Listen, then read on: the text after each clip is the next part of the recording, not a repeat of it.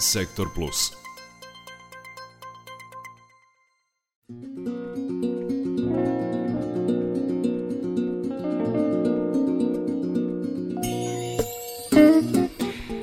Rubrici Sektor Plus predstavljamo sajt koji je pokrenut pred kraj godine za nama, pravne informacije za žrtve nasilja.rs. Sve osobe koje žele da prijave porodično nasilje na sajtu će pronaći detaljna uputstva o proceduri za dobijanje besplatne pravne pomoći pri pokretanju i vođenju sudskog postupka, dobijanju odgovarajuće zaštite i ostvarivanju prava na advokata. Kampanja Imaš pravo na podršku pokrenuta je u okviru projekta Povećanje dostupnosti besplatne pravne pomoći za žene koje su preživele rodno zasnovano nasilje. Projekat sprovodi Udruženje fenomena uz podršku UN Women, Agencije Ujedinjenih nacija za rodnu ravnopravnost i Evropske unije. O tome za rubriku Sektor Plus Jasna Kolaković-Smiljanić, advokatica u Udruženju fenomena, razgovarala sa Tamarom Srijemac. Jedan od razloga za pokretanje kampanje jeste to što je broj predmeta iz oblasti nasilja u porodici minimalan, iako se zakon o besplatnoj pravnoj pomoći primenjuje više od dve godine. Zašto je to tako? Da li u pitanju upravo neinformisanost e, i šta je još posredi? Dakle, kao što ste i pomenuli, u okviru ovog projekta Udruženje fenomena iz Kraljeva uz pomoć e, Pravnog fakulteta u Kragujevcu obavila je istraživanje o primjeni zakona o besplatnoj pravnoj pomoći, pa ću ja na ovo vaše pitanje odgovoriti preliminarnim podacima iz tog istraživanja. Izvolite. Deo istraživanja, hvala, e, deo istraživanja obuhvatio je upitnik upravo poslat advokatima. Advokati i advokatice su se izjasnili da su osim neinformisanosti u vezi sa pravom na besplatnu pravnu pomoć u slučaju nasilja u porodici, što je definitivno osnovni razlog malog broja predmeta, razlozi i nepoverenje koje žrtve imaju u institucije, strah od osude sredine, strah da žrtvu očekuje jedan komplikovan postupak kako pred organom lokalne samouprave u postupku ostvarenja prava na besplatnu pravnu pomoć, tako i u samom postupku zaštite od nasilja u porodici, bio on krivični ili parnični. Advokati su kao problem naveli i to što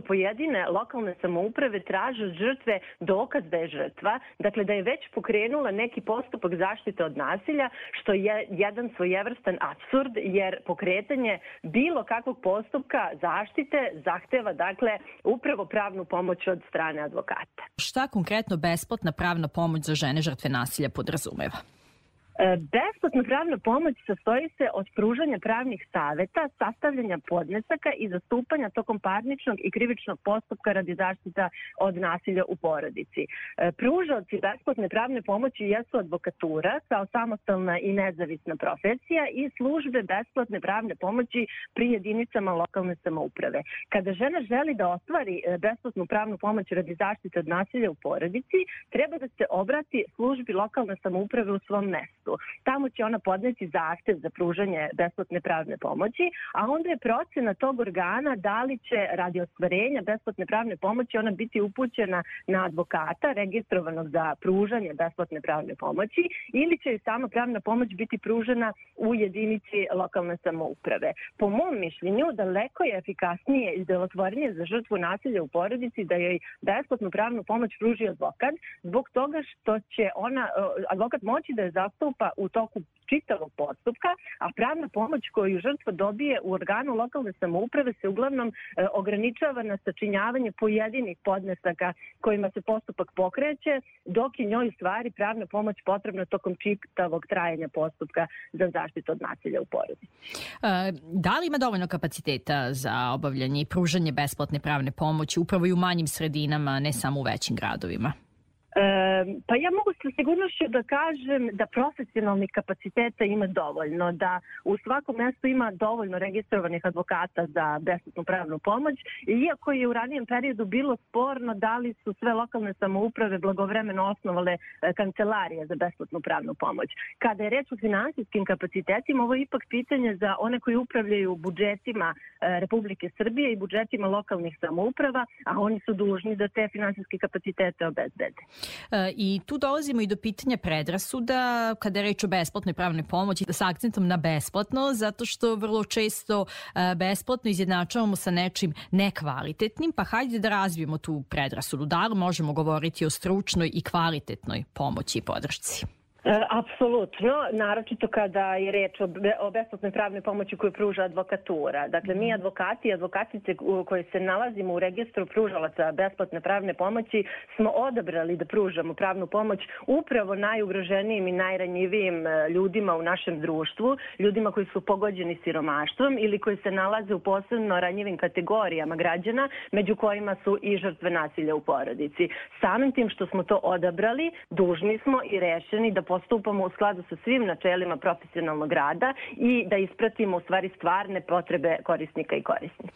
I zbog svih ovih dilema i nepoznanicama o kojim smo govorili od početka ovog e, razgovora je pokrenuta kampanja Imaš pravo na podršku i sajt pravne informacije za žrtve nasilja.rs. E, koje informacije su sve dostupne na sajtu kada je reč o besplatnoj pravnoj pomoći? E, na sajtu postoje opšte pravne informacije koje mogu da pomognu žrtvi nasilja da se snađe i orijentiše u situaciji kada je pogođena nasiljem, a tada je ranjiva i normalno je da ima mnogo pitanja i nedoumica. E, tu su takođe odgovori na najčešće pitanja koje žrtvu muče, kao i objašnjenje procesa dobijanja besplatne pravne pomoći. Dakle, cilj je da se žrtva informiše i podstakne da se obrati organu lokalne samouprave u svom mestu kako bi ostvarila pravo na besplatnu besplatnu pravnu pomoć.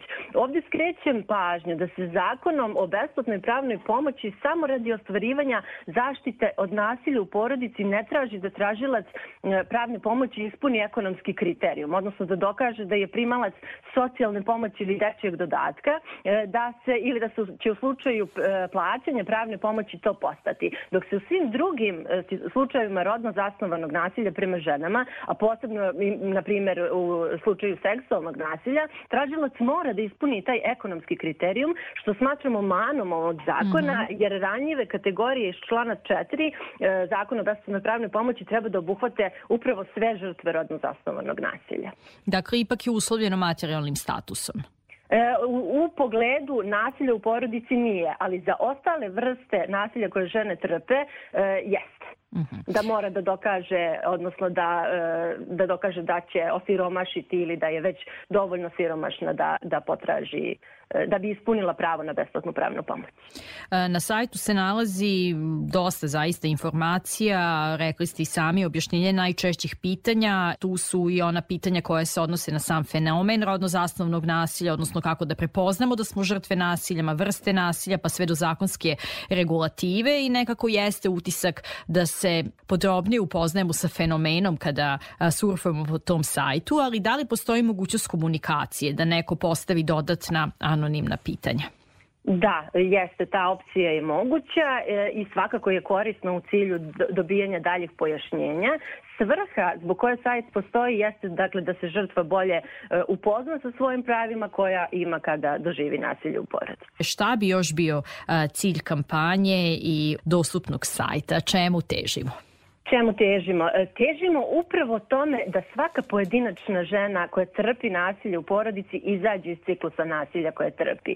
Znamo iz ranih istraživanja da se žena obraća instituciji, dakle tužilaštvu, policiji, sudu, tek kad nema drugog načina da nasilje prestane. Do tada ona pokušava da iz ciklusa nasilja izađe uz pomoć podrške porodice ili svog okruženja. Dakle, pravna pomoć je izuzetno važna, a važno je i da ona zna, dakle, da je moguće da da pravna pomoć za nju bude besplatna i tako još više dostupna i delotvorna. Cilj kampanje i dostupnog sajta je i da se poveća broj predmeta radi ostvarivanja besplatne pravne pomoći i da se korisnici besplatne pravne pomoći češće upućuju na advokate kao pružaoci besplatne pravne pomoći.